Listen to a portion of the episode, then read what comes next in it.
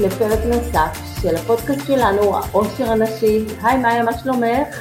היי טלי, נהדר, תודה. איך אפשר שלא כשיש לנו אורחת מקסימה ומלכותית שתאיר את עינינו כיצד להתמודד עם נושא מורכב שקרוב לליבי, ובשמו העברי המאוד קשוח, יש לציין, גירושין.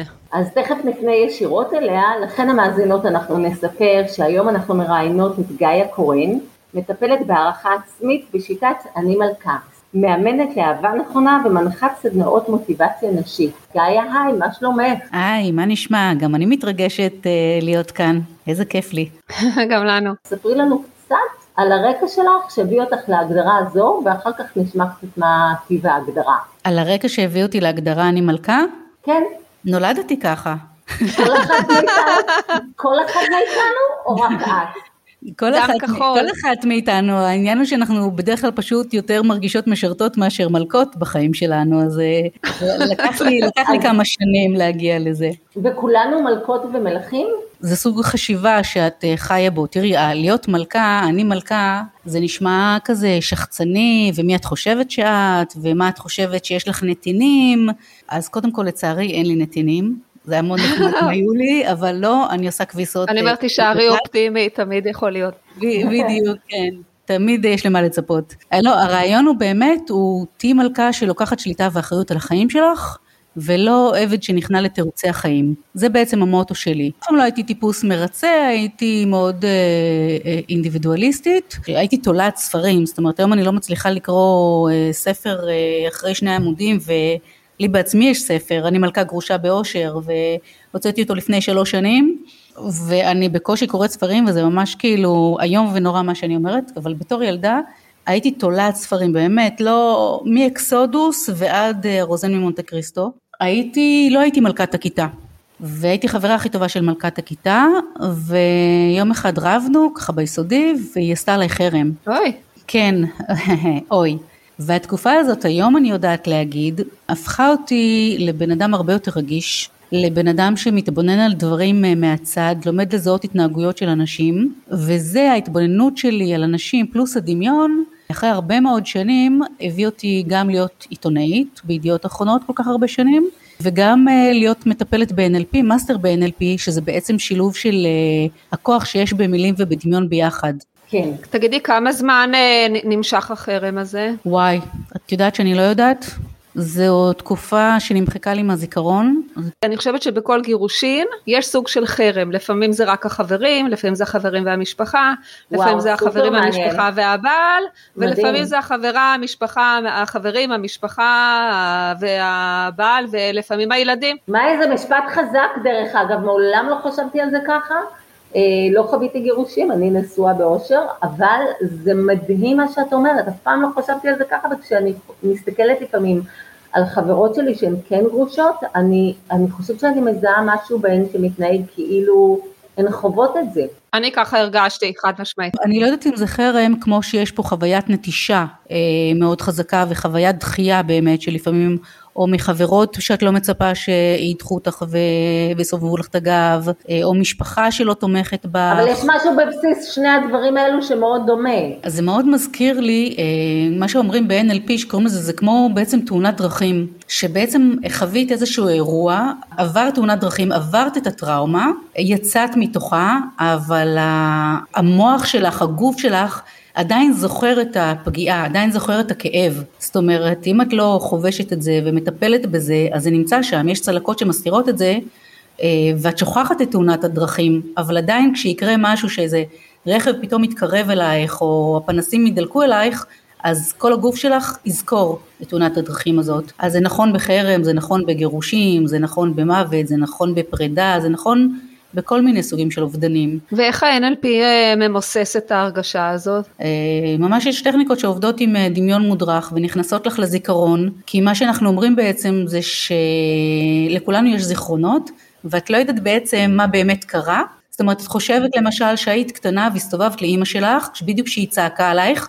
כי הפלת משהו, ואז תמיד זה מתקשר אצלך לאוי ואבוי אם את מפילה משהו מישהו יצעק. אבל יכול להיות שאימא שלך בדיוק חטפה מכה באצבע הקטנה של הרגל, אז היא צעקה. אז מה זה אומר? זה זיכרון שלך נכון או לא נכון? אז זה קצת כמו טיפול קוגניטיבי, בעצם אה, להעלות את הזיכרון ולתת לו פרשנות טיפה שונה מהבחינה הזאת. נכון, ולעשות אותו שהוא, שהוא יהיה לך זיכרון יותר נעים. כל זה איזה סיפור את מספרת לעצמך בראש, ואיך את לוקחת את הסיפור הזה ואת הופכת אותו לסיפור יותר טוב. כי כל דבר בחיים שלך, גם הסיפור הכי נוראי שקרה לך, ולמי מאיתנו לא קרה, קורה, יקרה, סיפור נוראי, איך את לוקחת את זה ואת הופכת את זה, את מוציאה ממנו את הדברים הטובים שיש בו, שאת יכולה להגיד לכאורה אין שום דבר טוב בכל מיני דברים רעים, אבל אם תתעקשי את כן תמצאי, והרעיון הוא באמת להיאחז בדברים היותר טובים. יש לנו נטייה, אה, לנו לבני אדם בכלל ולנשים בפרט, אה, קודם כל לראות את הלא טוב ולמצוא חסרונות. למה את אומרת לנשים בפרט? כי כשאני עושה סדנאות, או אפילו בהרצאות שלי, שלפעמים אני מבקשת, בהרצאות זה לנשים, אבל לפעמים גם יש גברים, ש... כי הסדנה מדברת, ההרצאה מדברת לכולם, אז הם באים ואז אני אומרת, אוקיי, תנו לי אה, את התכונות הטובות שלכם, או כל אחת תכונה אחת. נשים מתחילות להסתכל אחת על השנייה, אה, רגע, אני רוצה אחרונה. וגברים אין להם בעיה לפלוט את התכונות החיוביות שלהם, גם אם זה לא תמיד חיובי. אם אני מבקשת תכונה שלילית, מה נותנות עשר? את יודעת למה אני מוליכה אותך למקום הזה? כי אני לא מאמינה שזה עניין של אה, מובנה במוח. לדעתי זה כן מובנה במוח במידה מסוימת, כי לנשים יש צורך קיומי חזק להרגיש שייכות ואהובות, אה, מעבר להשפעות התרבותיות. אני ממש לא, אני מאמינה שזה עניין של תולדה חברתית. ברור שיש הרבה דברים שמשיקים גם אצל נשים וגם אצל גברים. אה, אני מלא פעמים שמעתי שאמרו לי אה, שאני מתנהגת כמו גבר, במיוחד אחרי שהתגרשתי, ואמרו לי מה... ושיש לך ביצים. כן, ואת מפחידה, ואת חזקה, ויש גם גברים שהם יותר נשיים. ברור, אבל לא מדובר על זה. באמת יש התנהגויות שהן יותר, אה, שהן שונות. אישה יוצאת, יוצאים לאירוע, אז אישה עומדת אלף שעות מול המראה ובסוף לפני שהיא יוצאת היא, היא מסתכלת על עצמה והיא אומרת אוי טוב. גבר זורק על עצמו איזה משהו, מסתכל מבסוט ויוצא. אז כן, יש את ההבדלים הבסיסיים הקטנים, אבל אני רגע רוצה לחזור לאותו עניין של נשים, שאנחנו באמת הרבה פעמים לא מרוצות ממה שיש לנו.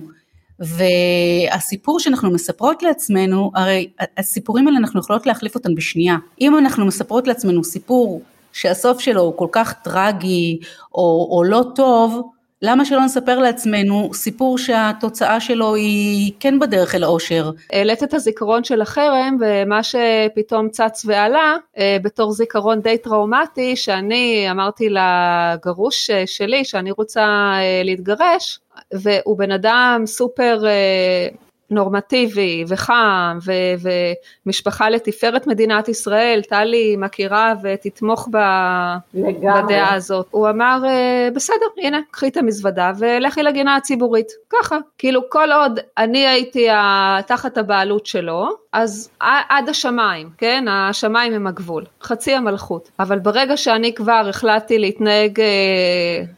אה, בצורה עצמאית ולחתוך עניין, אז בבקשה. ומאותו רגע, אם את כבר לא שלי ואני לא בעלך, את לא תקבלי לו את הבית. אה, אני אומר לכל המשפחה שלי, שלא ידברו איתך. משפחה שאני אירחתי והייתי חלק מהם כמו הבת שלהם והאחות שלהם, נאמר לי מיליון פעם, 27 אה, שנה, חלק מהחברים הוא לא אמר במפורש, אבל יש גם טרור הקרחצן, כן? אה, הרבה חברות אמרו לי לא נעים, אה, הבעל שלהם לא רוצה להיפגש איתי כי לא נעים להם אה, מבעלי לשעבר. בקיצור, סוג של חרם, וזה טראומה לא קטנה. נכון. אל תהיה צודק, תהיה חכם, נכון? יש את המשפט הזה? עכשיו אתה אומר, טוב, מה אני אריב? מה אני אגיד לכולם שעשו לי עוול, שעשו עליי חרם?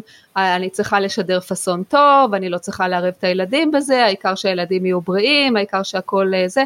אבל עדיין הטראומה של החרם הזה, שזה כל כך אה, מקומם, היא צרובה בנפש, ו- ו- וזה עולה מדי פעם, אין מה לעשות. זאת אחת הסיבות ש- שאני מטפלת בנשים גרושות, גם כאלה שלפני התהליך, גם כאלה שבתהליך, וגם כאלה שחוזרות אחרי זה לפרק ב' איך לעשות אותו נכון, כדי שבאמת כל הצריבות האלה אה, לא יהיו שם יותר. מה שאת מתארת אגב, אה, מה שנקרא אל תעלבי את לא יוצאת דופן, זה קורה לא מעט, שהוא, כשאת חולה ובכל מצב אחר הוא נותן לך את השמיים, את הירח ואת הכוכבים, וברגע שאתם מחליטים להתגרש, כל משחקי האגו מונחים, יוצאים מהקופסה ומתחיל באמת, אה, כמו שאת קוראת לזה, כמו מין סוג של אה, חרם, ומה שאת חווה באמת, והרבה נשים חוות, זה נטישה פתאום של החברים, פתאום החברה הכי טובה, פתאום חברות שאת מהווה להן מראה מול הפרצוף והן רוצות להיות כמוך או הן מפחדות להיות כמוך אז הן מפנות לך את הגב או אה, חברות שהבעל אומר אל תהי חברה שלה היא תדרדר אותך. זה הזמן להודות לך טלוש יקרה וגם לסוזן שתמכתן בי בתקופה הקשה של הגירושין ולא זנחתם אותי. אנחנו מלכתחילה ראינו בה אישה מאוד מאוד אמיתה, היא הייתה נחושה והייתה נחושה גם לעשות את זה נכון איתי בלי פגיעה ומבחינתי היא הייתה פשוט וואו, כמו איזה עוף חול שקם לתחייה כי, כי התקופה שלפני כן היה ברור שלא טוב לה ואנחנו רואות לא מעט נשים, גם גברים שמצויים במערכות יחסים שלא טוב להם, אבל מה, מהחשש של העתיד הלא ברור, לא ודאי, מהסיכון הזה שהם לוקחים, הם, שהם עשויים, עלולים לקחת, הם מעדיפים להישאר במוכר. גם כשלא טוב להם, ומאיה פשוט פרסה כנפיים לעבר הלא נודע, ממש ככה, ועשתה את זה בגדול. גירושים זה אה, תעופה אל הלא נודע. והסיבה ש-90 אחוז מה, מהאנשים הנשואים לא מתגרשים זה בגלל שהם מפחדים מהלא נודע ומפחדים להישאר לבד ומפחדים אה, שהחברים הקרובים שלהם אה, ייעלמו ומפחדים איך המשפחה תגיב ואיך הילדים יגיבו ואיך השכנים יגיבו ואיך השיננית תגיב ובסוף כשאת עושה את זה וכשאת עושה את זה באמת עם או עם חבר קרוב שמלווה או עם טיפול שמלווה אותך ונותן לך את הכלים אה, למצוא את עצמך את פורחת אני רואה נשים אה, נשואות שמגיעות אליי כבויות, או גרושות ממש בהתחלה שהן אומרות לי, את חושבת שאני אפסיק לבכות אי פעם? ואני אומרת לה, וואו. אם לא תפסיקי לבכות בקרוב מאוד, אני אחזיר לך את כל הכסף ואני עוד אתן לך עוד. ואת רואה אותנו, אני כל הזמן אומרת, חבל שאני לא מצלמת את הפעם הראשונה ואת הפעם העשירית, ובטח אחרי זה. כי את פתאום מגלה איזה כוחות יש לך. ואיזו, בגלל זה אני אומרת איזו מלכה את. כשעשיתי את המותג אני מלכה, אני שמתי את המילה אני לפני המלכה בכוונה. להגיד מלכה זה בסדר, אבל זה לא אומר כלום. מתי אמרת פעם אחרונה אני, ושמת את עצמך אפילו לא במרכז אלא ראשונה, לפני הבעל, לפני הילדים, לפני, לפני כל דבר אחר. ופה כשאת מתגרשת, את באמת צריכה לשים את עצמך ראשונה, לטפל בעצמך כדי שתוכלי לטפל באחרים. תהיי קודם כל בזוגיות טובה עם עצמך, תכירי את עצמך, תאהבי את עצמך, תדעי מי את כשאת לבד, כי את כל השנים האלה דיברת באנחנו, וכל הזמן דאגת למישהו אחר, והיה לך חשוב מה, מה הוא חושב, ופתאום זאת את. את מלווה אותן אחרי או לפני? גם וגם. אני רוצה לחלוק פה איתכם משהו. אני אה, עורכת דין מתחום אה, דיני המשפחה ואני מגשרת אה, משפחתית, והיום בדיוק סיפרתי למאיה שעוד זוג שהגיע לגירושין במהלך הפגישות גישור שלי איתם, החליט שהוא חוזר לחיות חיי נישואים, לתת צ'אנס ולשקם. האני מאמין שלי הוא כזה שכדאי לעשות את זה בצורה שהיא הכי נכונה לילדים, למשפחה, למה שנשאר אחרי כן, ואני כן מאמינה בגישור, למרות שהוא אה, עסק כלכלי הרבה פחות אה, מוצלח, אבל מה שאני עוד עושה, שהוא גם כן בניגוד לאינטרס הכלכלי שלי, אני קודם כל מבררת איתם טוב מאוד אם זה באמת סופי, אם הם באמת מגובשים עם עצמם, ונורא חשוב לי לפני שאני ניגשת לשלב הבא של או להסדרת הפירוד, לוודא שזה באמת מה שנקרא אה, חסר תקנה. תראי, כשבאה כשבא אליי מישהי ואומרת לי, אה, אה, אני רוצה להתגרש, מה את אומרת, או אני רוצה שתעזרי לי להתגרש, או כאלה, אני בחיים, בחיים, בחיים לא אגיד למישהי, אה, אוקיי, בואי אני אוציא אותך אה, אישה גרושה. לא, אני אומרת, אני אתן לך את כל הכלים, אני אתן לך את כל הכוחות, אני אציב לך מראה מול הפנים, אני אגיד לך מה אני רואה, אני אגיד לך מה אפשר לעשות עם זה, ואת תקבלי את ההחלטות לבד. את יודעת מה, יש כאלה שאפילו לא יודעות מה הן רוצות.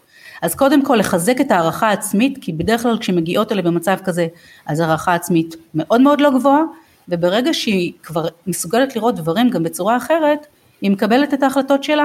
ויש כאלה שחזרו לבעל ובאמת שינו את התקשורת, אה, ויש כאלה שעברתי איתן את כל המסלול של להתגרש, של להתגרש אפילו יפה, שאחרי זה היא באה עם הילדים לבית של הגרוש לצבוע לו את, ה, את הדירה השכורה, ואחרי זה הגיע אליי עוד פעם איך לעשות את פרק ב' נכון.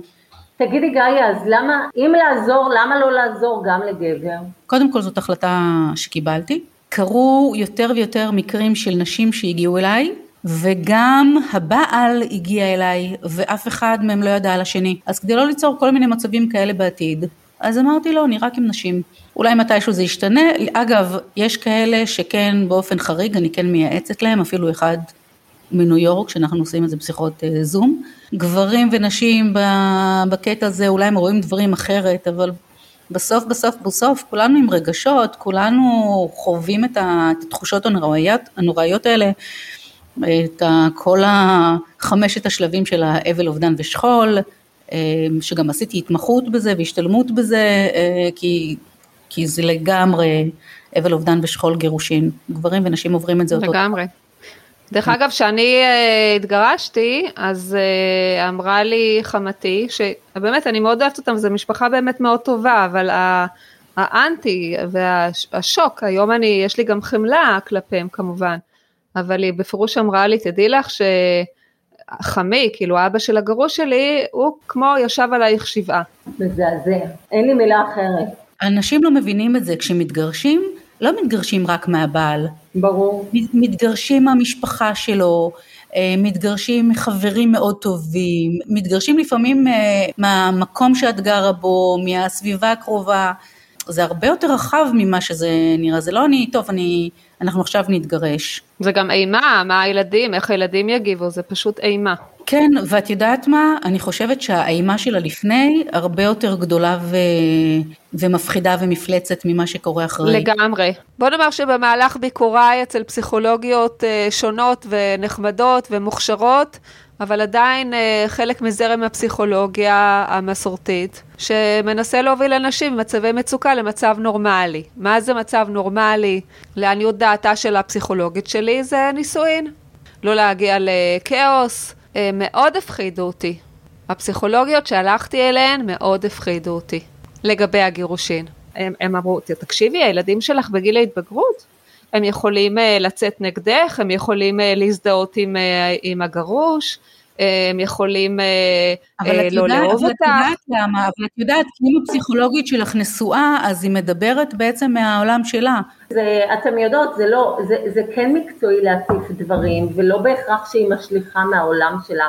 אבל אני באתי לגירושים עם ההפחדות האלה ברמה שבאמת לא היה אכפת לי למות כבר, באמת. כי אני אמרתי, אם הילדים שלי ילכו לא נגדי, לא אני מתה. אני מתה. אבל את יודעת, אה, מאיה, גם אני אומרת למטופלות שלי שבאות אליי, אני גם מציפה ביניהן את כל הדברים, וגם כתבתי את זה בספר שלי, בואי תדעי מה שעומד לקרות לך. אבל אחרי זה מול זה אני מציבה, אבל מול, אחרי זה אני שמה לה גם את, ה, את הצד השני של, עם זאת, נכון שזה מוות, כן? גירושים זה מוות. אבל יש כן. חיים אחרי המוות.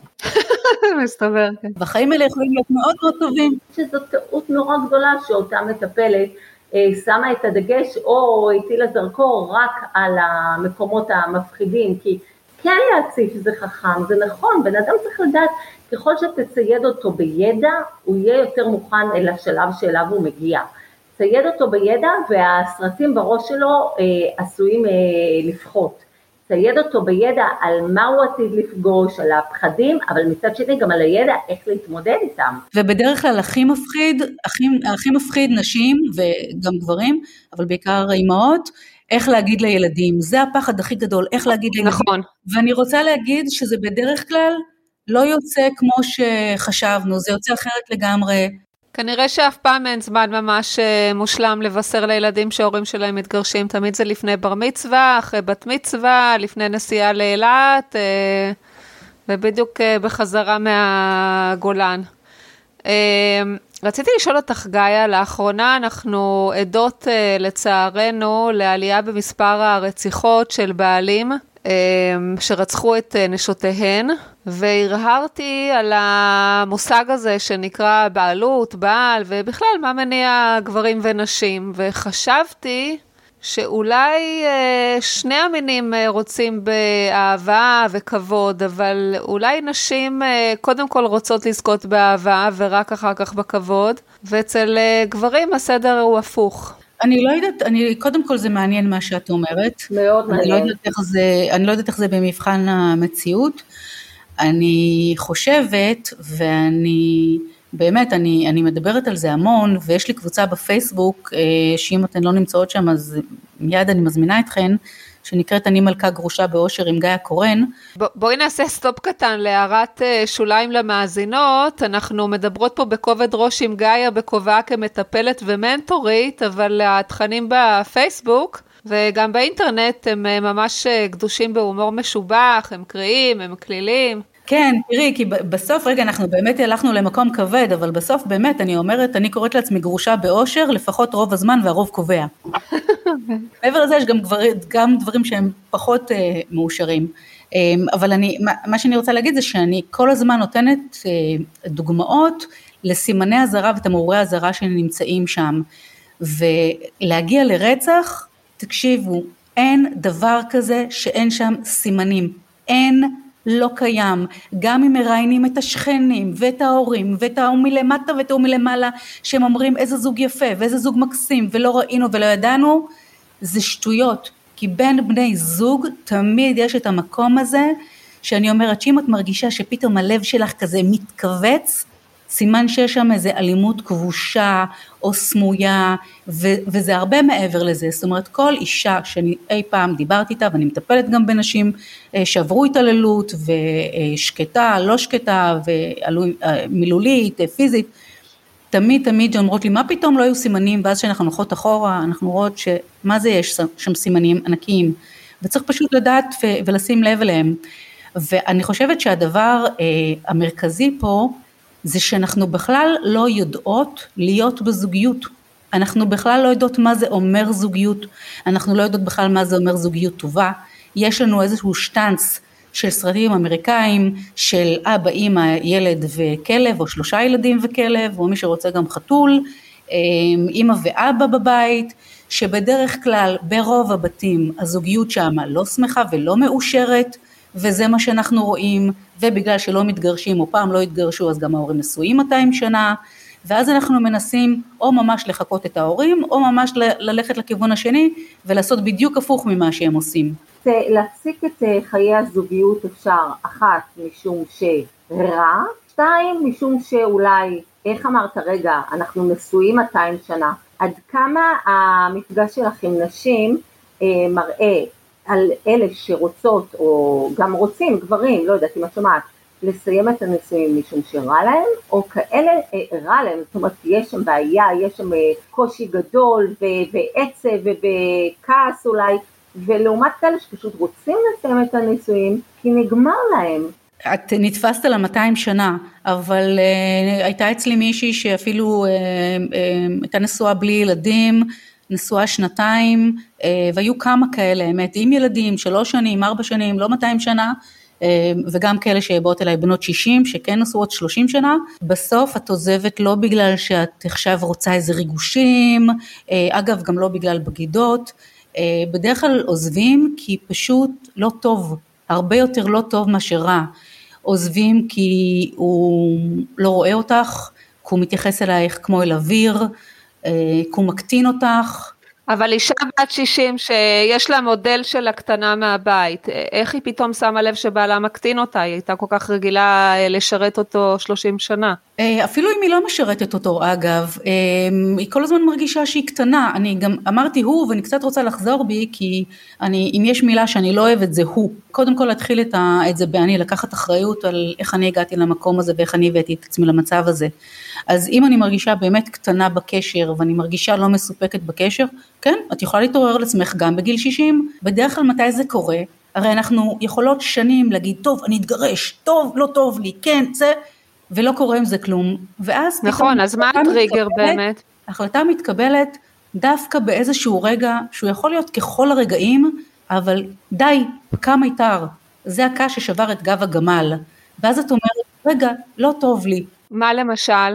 אני נשואה 14 שנה, היינו חברים טובים, מאוד אהבנו אחד את השנייה, אבל אה, לא ראינו עין בעין, הוא אמר שחור, אני אמרתי לבן, היינו מאוד שונים. ומלא פעמים אמרתי, טוב, אנחנו נתגרש, ועשינו על זה שיחות, ואמבטיות קצף, ודיברנו על יחסינו לאן, לשום מקום, והלכנו לטיפולים זוגיים, יחידניים, כל מיני, ואז יום אחד באיזו שבת קמתי בבוקר, יצאתי לרוץ עם חברה בנמל, חזרתי הביתה ואמרתי לו ככה בשמחה גדולה, אה, רוצה להיפגש עם איזה חברים? הוא עושה לי פרצוף חמוץ. ואמרתי לו, אבל למה אתה עושה לי פרצוף חמוץ? אז הוא אמר לי איזה משהו, מה את חושבת שהכל מסתובב סביבך? ומין כזה, סתם הוא כעס על משהו שבכלל לא הייתי מודעת אליו, אוקיי? שבתקשורת פשוטה שהוא היה מדבר איתי על זה הייתי מבינה, ואני כל כך נעלבתי ממה שהוא אמר, שפשוט אמרתי זהו, לא בא לי יותר. עכשיו תחשבו, סיטואציה כזאת, יכולה לקרות לי עם ה... אולי לא עם הבן זוג הנוכחי שלי שהוא אה, לא אומר דברים כאלה, אבל זה יכול לקרות אלף פעם בשנה, בסדר? כן, כל כן, זוג. כן, מי... בן אדם זה בן אדם, אין מה לעשות. נכון, ולכן אני אומרת, זה היה פשוט מין רגע אחד כזה שאמרתי, די, לא בא לי. לא בא לי יותר לריב. מה אני לומדת מזה? מה זאת אומרת, עם הזוגיות החדשה שלך, אתם אה, הכל חולקים אותם דעות? היום אני, מה שנקרא, נכון לכתיבת שורות אלה, ואני מקווה גם אה, לפרקים הבאים, חמסה טפו בן פורת יוסף, אני בזוגיות מדהימה, מדהימה, מדהימה באמת, ואנחנו רואים עין בעין בהמון דברים, יש לנו אה, הומור משותף, אנחנו אוהבים את אותם דברים, לצד זה, יש לו את תחומי העניין שלו ודברים שאנחנו אה, לא מדברים, פוליטיקה, הדעות שלנו מנוגדות לגמרי, אנחנו לא מכניסים פוליטיקה הביתה, מתוך ידיעה ברורה שאת לא אה, מכניסה נושא שהולך להיגמר בריב, בפיצוץ, את יודעת מראש שזה ייגמר בלא טוב. לא מכניסים את זה.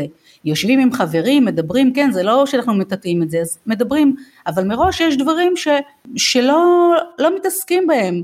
היה, את יודעת, יש את, ה, את המאזניים, ואת שמה על המאזניים אם טוב לי או רע לי. אני אומרת, לא מתגרשים כשרע, כן? הרבה פעמים רע, אבל אם הרע הוא הרבה יותר, המשקל שלו יותר גדול מטוב, באיזשהו שלב, וואלה, אז למה את נשארת איתו?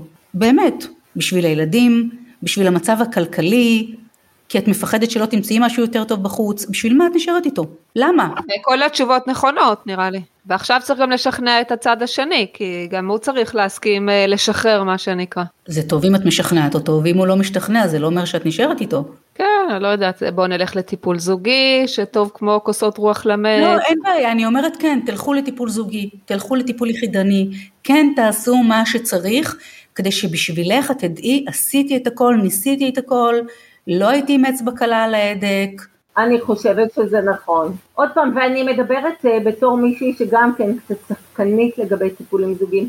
אני לא מטפלת זוגית, אני לפעמים uh, שומעת מזוגות שמגיעים אליי ואומרים, uh, אוקיי, ניתן uh, סיכוי, ואני אומרת להם, אולי כדאי שתעזרו במישהו שהוא מקצועי ושילווה אתכם, אבל אף פעם לא שאלתי למשל מטפלים זוגיים עם כאלה שהגיעו אליהם עם בעיות, אה, ויצאו מהם אה, שלובי ידיים, כמה זמן זה יחזיק אחר כך. יכול להיות שזה באמת סוג של אה, פלסטר קטן לפרק זמן מסוים, ואחר כך הם חוזרים לתבנית של הדפוס הפוגעני שיש להם, או למערבולת שהיא טעונה מדי רגשית. את יודעת, אנחנו הרי מתחתנים בגיל יחסית צעיר, אוקיי?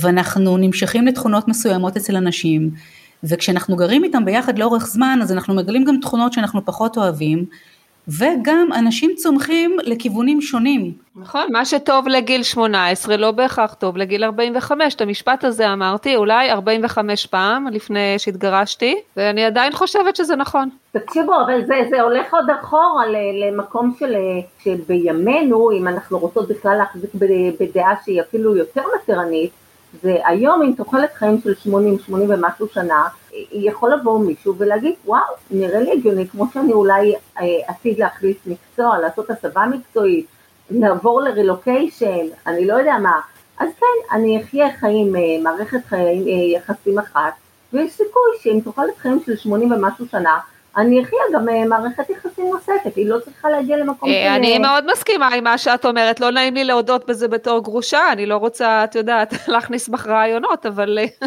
אני רוצה להגיד לך... לא אני רוצה להגיד לך משהו, מאיה, וגם למי שישמע. אין בי שום פחד להריץ רעיונות ולבחון אותם, שום דבר לא יאיים, כי, כי אם אני אגיע למקום שלא טוב, אז יהיה לא טוב וכנראה אני אצטרך לפעול. אבל לבחון את הדברים האלה נכוחה ולהסתכל על זה בעיניים ולהגיד וואו, הרעיון הזה יכול להיות שהוא אמיתי, יכול להיות שהוא מתאים לי, זה משהו שכל אחד צריך לעשות. לא לפחד מרעיונות, ולכן אני אומרת, יכול להיות שזה מסרני, יכול להיות שזה מעודד אנשים אה, אה, לנהוג בפזיזות, לא זאת הכוונה. אני לא חושבת שזה... אבל זה רק נותן לגיטימציה, זה נותן לגיטימציה כי זאת אפשרות, זאת אפשרות שיכול להיות שמקובלת על שני הצדדים. אני בזוגיות היום מאוד אוהבת, מאוד מכבדת, מאוד כיפית. אמ, תשאלי אותי איפה אני אהיה בעוד שלוש שנים אם אני אהיה איתו ביחד? אני לא יודעת, לא יודעת להגיד כן. לך. כן, היום, נכון להיום, אני ממש מקווה שכן, אבל אני באמת לא יודעת, ואני גם לא רוצה להתחייב. השאלה הזאת, איפה את רואה את עצמך בעוד חמש שנים? וואלה, לא יודעת, לא רואה את עצמי בעוד חמש שנים. אני חושבת שהיא אמירה מאוד אמינה, והיא מאוד uh, לוקחת בחשבון את המורכבויות ואמיצה מעל הכל, כן? ואני חושבת שיש בה הרבה אמת. גם מאוד רומנטית, כי זה אומר שאני בוחרת, אני לא לוקחת את זה כמובן מאליו, אני בוחרת את זה כל שנה מחדש, להיות ביחד בזוגיות הזאת. כן, ולא רק בגלל שאתה לא מעלה על דעתך להגות את המילה גרוש. כן. דרך אגב, זה, זה קטע מאוד קשה, שאתה נשוי להגיד גרוש, זה מאוד קשה.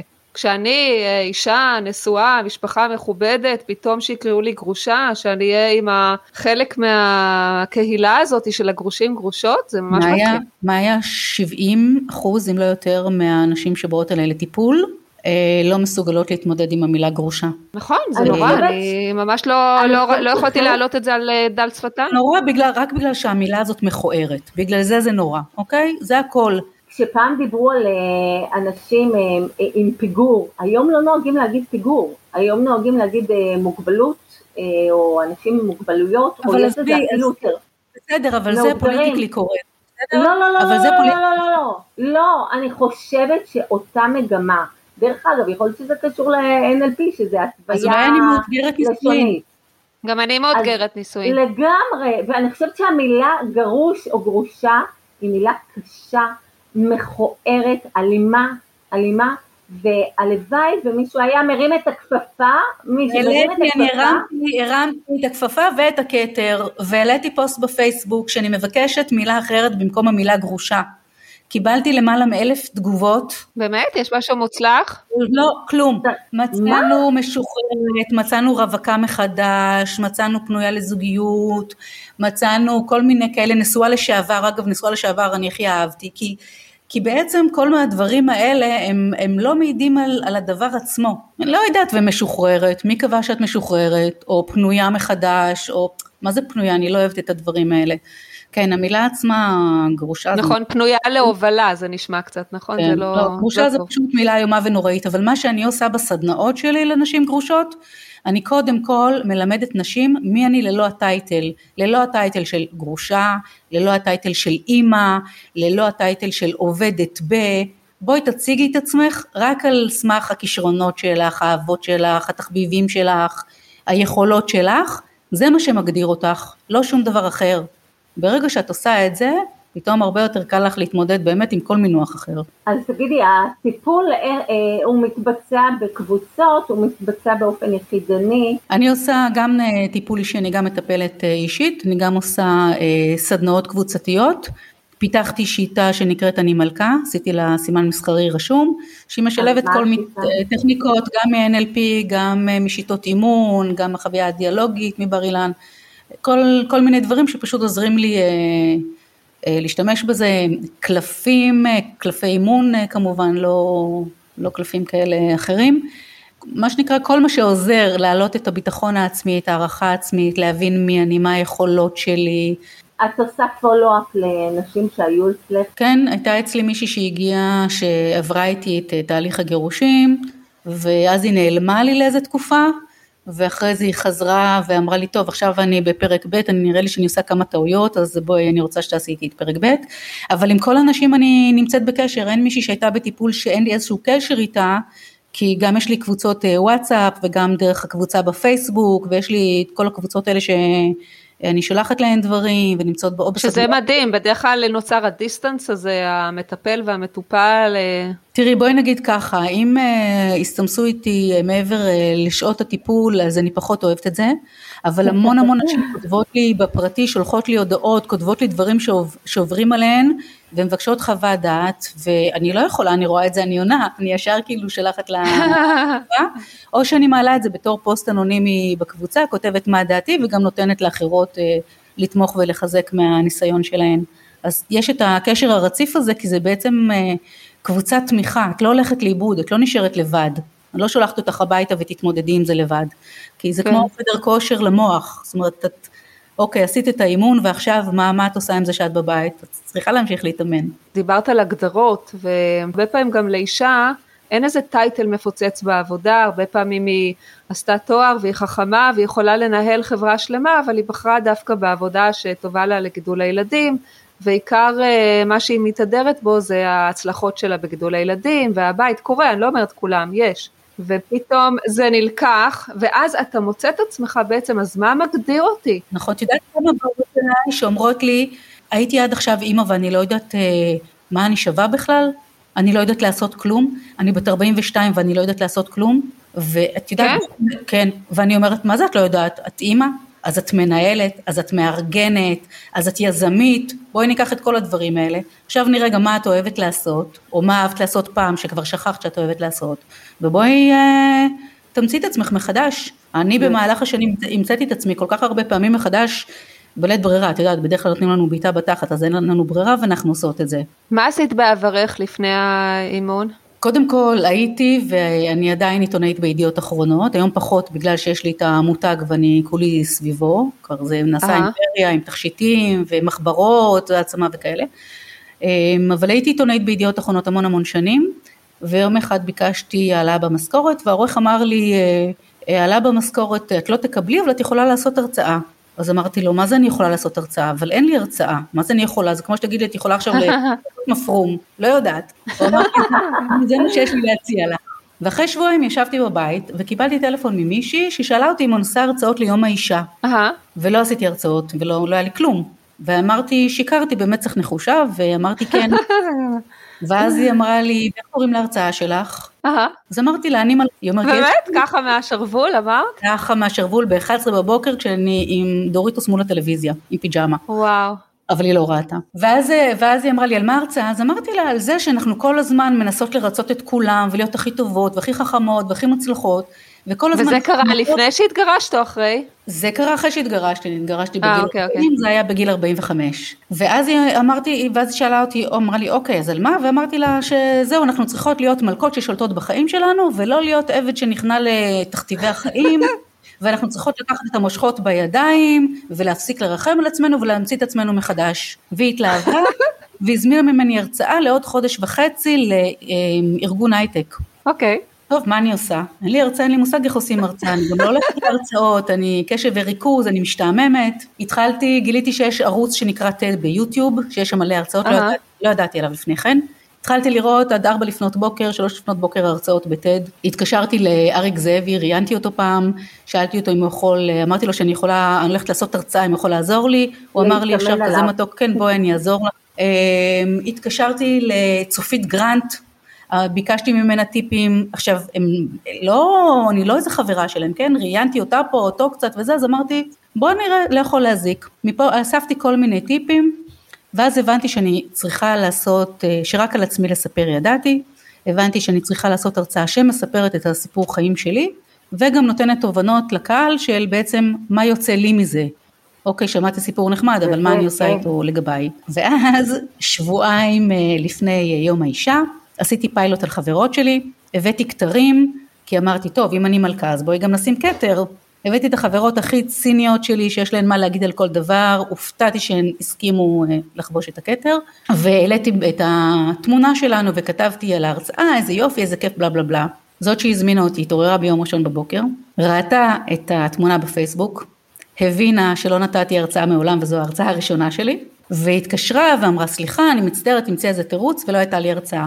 אוי, לא נכון. התקשרתי לידיד שלי לבכות לו, בכיתי בכיתי, איך היא עשתה לי את זה, אתה לא מבין, אתה לא זה, אתה לא זה, מה, אני חודש וחצי, לא ישנה בלילות, כותבת הרצאה, אתה לא מבין? הוא אמר לי, תשמעי, פתחתי מסעדה בראשון, אף אחד עוד לא מכיר אותה, אז אני אפרסם אותך בקרב הלקוחות במסעדה, את תפרסמי בפייסבוק הזה שלך מה שאת עושה שם, ונבנה איזה ערב כזה למי שבא למסעדה. אמרתי לו יאללה, וכך היה. ותוך אה, שבועיים עליתי על במה מאולתרת של מטר על מטר על קרשים, בלי מצגת ובלי כלום, כולי רועדת בראשון, בטיב טעם, שמאחוריי הכרוז שמודיע על מבצעים ברמקול. לא נכון, כן. גדול. וירדתי מהבמה, כולי בהתרגשות, וניגשה אליי מישהי, ושאלה אותי אם אני עושה גם הרצאות אה, ביתיות. אה, חשבתי שהיא שאלה אתכם, את עושה הרצאות ברוסית. לא, זה לא. שאלה אותי אם אני עושה גם הרצאות ביתיות, אמרתי לה כן, אז היא הזמינה ממני הרצאה. ואז ניגשה אליי עוד מישהי, ושאלה אותי אם אני עושה גם אה, סדנאות בארגונים של יום שלם. אז אמרתי לה כן, והזמינה אותי לעשות הרצאה בסדנה שלמה של יום שלם בארגון תרופות מאוד מאוד גדול. ומפה לשם זה התחיל להתגלגל, להתגלגל, להתגלגל, וזהו, ואחרי שנתיים כבר אה, עשיתי טור בארצות הברית, בניו יורק אה, ובמיאמי, אפילו בבית כנסת רפורמי שם, תוך כדי זה גם שילבתי השתלמות עם אה, טוני רובינס. שזה בכלל חוויה בפני עצמה, איך הוא מקרוב? הוא איש מרשים, הוא מרתק, הוא פנומן. קודם כל הוא ענק פיזית, נכון? כן, הוא פשוט ענק. הוא ענק פיזית. הוא כן, כמו ענק הירוק, אבל לא בירוק, הוא פשוט כזה, נכון, הוא ענק, כן. אבל מה שאני רוצה להגיד זה שגם הדברים שנראים לנו באותו רגע הכי גרועים, הכי קשים, הכי כאילו אכלו לי, שתו לי ואיך עשו לי את זה, אה, זה יכול לקחת אותנו למקומות נפלאים אם אנחנו רק אומרים כן. הסיפור שלך הוא בדיוק הדרך למלוכה, זאת אומרת אם נתחיל במשפט של אני מובילה, אני לא נותנת לכם להכתיב, כשאת באה לספר בהרצאה על בואי את תהיי מלכה, הדרך אה, שעשית כדי להעביר את ההרצאה הראשונה שלך באמת הייתה דרך של אה, להראות איך להיות מלכה, איך להוביל. נכון, וכל הזמן לזכור שגם הדברים שנראים לנו אה, גרועים שהם קורים באותו רגע, הם לא קורים סתם.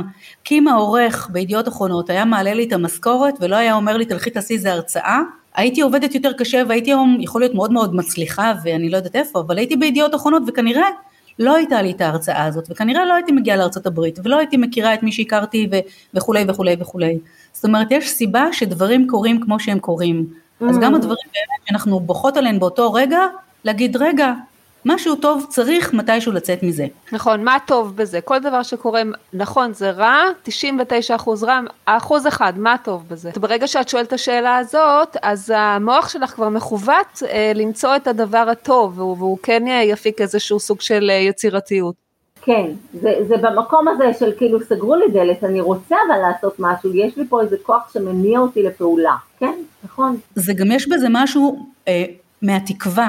גם אה, נגיד נשים גרושות או רווקות לצורך העניין שיוצאות לדייטים ובאמת אומרות כבר את כל סל האמונות האלה של אין גברים שווים, השווים נשואים, אני בחיים לא אמצא אף אחד, כולם שרוטים, כולם דפוקים, אף אחד לא ירצה אותי, בלה בלה בלה בלה בלה בלה, אני אומרת אם את מאמינה באמת באיזשהו מקום קטן קטן קטן קטן בתוכך שהנכון יגיע, אז הוא יגיע במיליון אחוז. ואם את תגידי כל הזמן, את תהיי בתודעה הזאת של לא יגיע ולא זה ולא זה ולא זה, אז גם אם הוא יעמוד לך מתחת לאף את לא תראי אותו. נכון.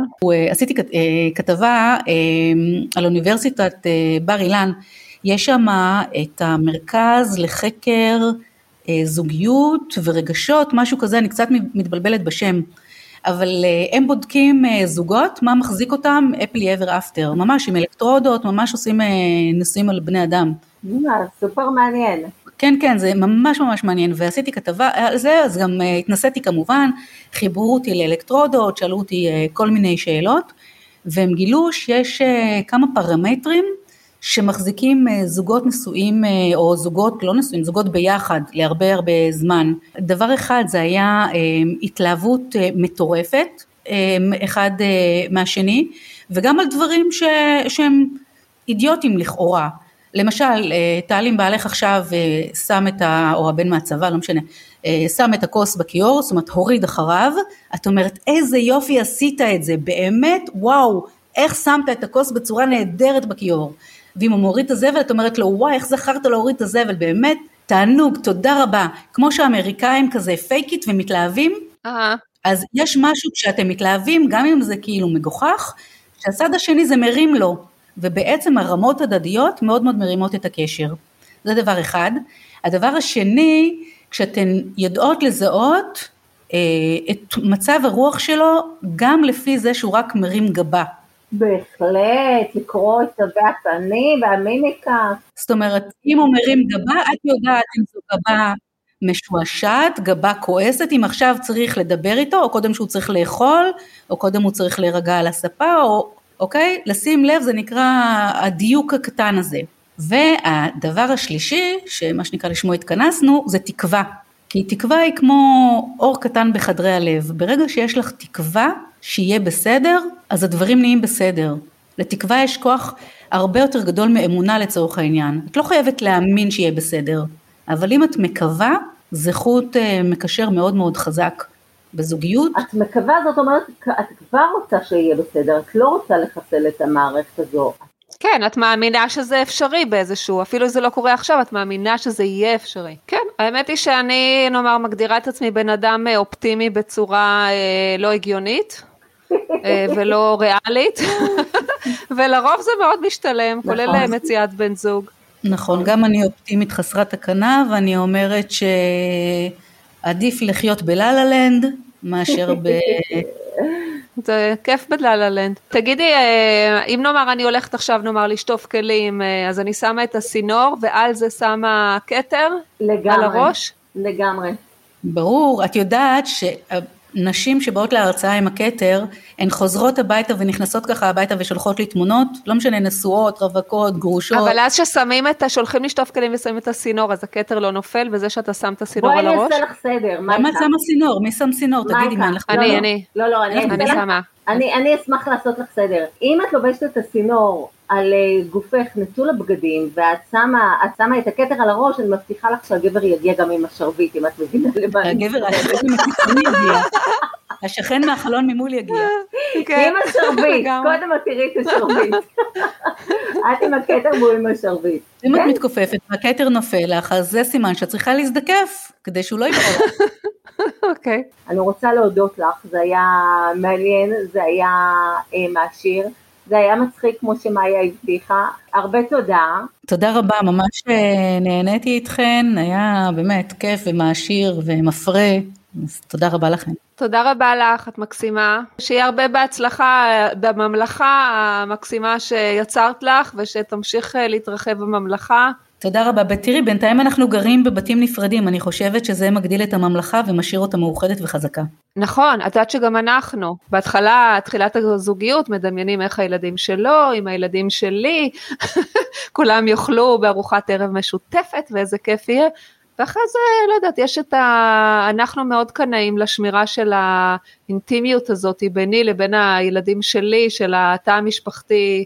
נכון, בלי הגרוש שלי, אבל את ממלכה הקטנה שלנו לשמור. אמרת נכון, כינית את זה תא משפחתי, זה, זה עדיין לגמרי תא משפחתי וזה מהמם. באמת אה, אני נורא מתחברת למודל של לגור בנפרד, כי הילדים כבר חוו את הגירושים, ואני לא יודעת למה, אה, אם אפשר, לשמור על כל אחד עם הבית שלו, למה צריך לאמת אותם עם עוד אה, ילדים ועוד בן זוג שהם אה, יוצאים לצחצח שיניים, צריכים להתקל בו במסדרון, לא רואה שום טעם. נכ- נכון מאוד, וגם את, את גם לא צריכה להתקל בו כל הזמן. את יכולה להיות בבית, בג'יפה שלך, ואחרי זה שתראי אותו, אז יודעת, תתלבשי יפה ו... ותבואי אליו, ולא צריך, לא צריך, צריך קצת את האינטימיות הזאת, לשמור עליה, על ההתרגשות הזאת. אנחנו גרים דלת ליד דלת, ואתמול היו אצלו חברים ולא דפקתי לשנייה ולא הפרעתי, באמת כל אחד יש לו את הספייס שלו, אז יש גם את הלכות וגם את הביחד, זה מושלם בעיניי. כן, גם בעיניי. עושים מחר בערב אנחנו עושים ארוחה עם הילדים שלו, עם אבא שלי, עם הילדים שלי. אחד מהדברים שהגירושים מאפשרים, מעבר לכל הקושי, ברגע שאתה מגדיר את עצמך, מגדירה את עצמך מחדש, פתאום נפתחות עוד המון אופציות. נכון. זאת אומרת, אומרת, וואלה, עד היום הגדרתי את עצמי ככה, ככה, ככה, אני חושבת ופתאום ש... זה נפתח, ההגדרות מתרחבות, זה לא התבניות אה, מתרופפות ואתה בורא עולם ממציא את עצמך מחדש, כאילו נכון. ממציאה את עצמך מחדש. אני רוצה להוסיף עוד משהו, את יודעת, הקטע הזה של המילה הגדרה, זה, זה גם כל כך מתקשר לי אסוציאטיבית, עם להיות תחום בתוך איזה משהו קטן עם גדר סביבי.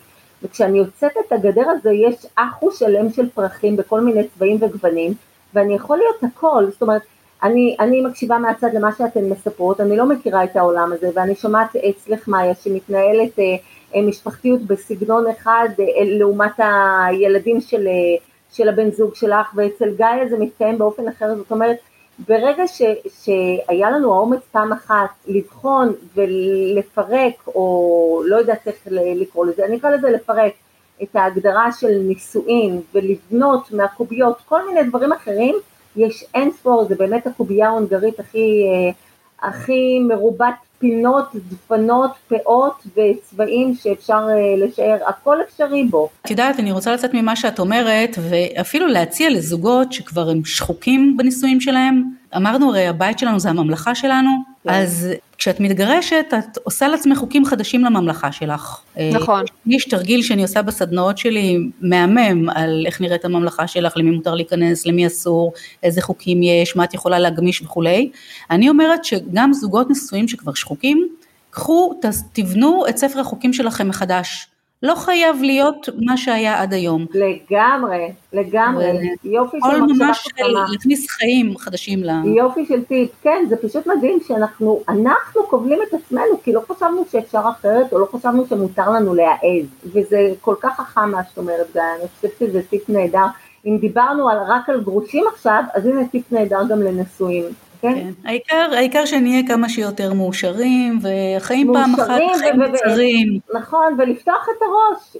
יש כן. הרבה דברים שהם מותרים, לא לפחד לגעת, לא לפחד להגיע אליהם, לנסות. נכון. טוב, אחלה טיפ. אז uh, תודה רבה גאיה, ולהתראות. תודה מה היה להתראות, היה כיף. ביי גאיה, תודה רבה. תודה, לילה טוב. היה לילה כיף. לילה טוב. תודה רבה. עד כאן פרק נוסף של עושר הנשי. מזכירה לכל מאזינותינו ביוטיוב לא לשכוח ללחוץ על כפתור הרשמה למנוי, שנמצא מתחת לסרטון משמאל בצבע אדום. רק לחיצה, לא נדרשת שום הקלדה נוספת, ובטח שלא מדובר על מנוי בכסף, אלא רק על מעין הוספה למועדפים. וכמובן, לא לשכוח לעשות לייק אם אהבתם את הפרק. אז להתראות בפרק הבא של העושר הנשי. ביי טלי. ביי נאיה.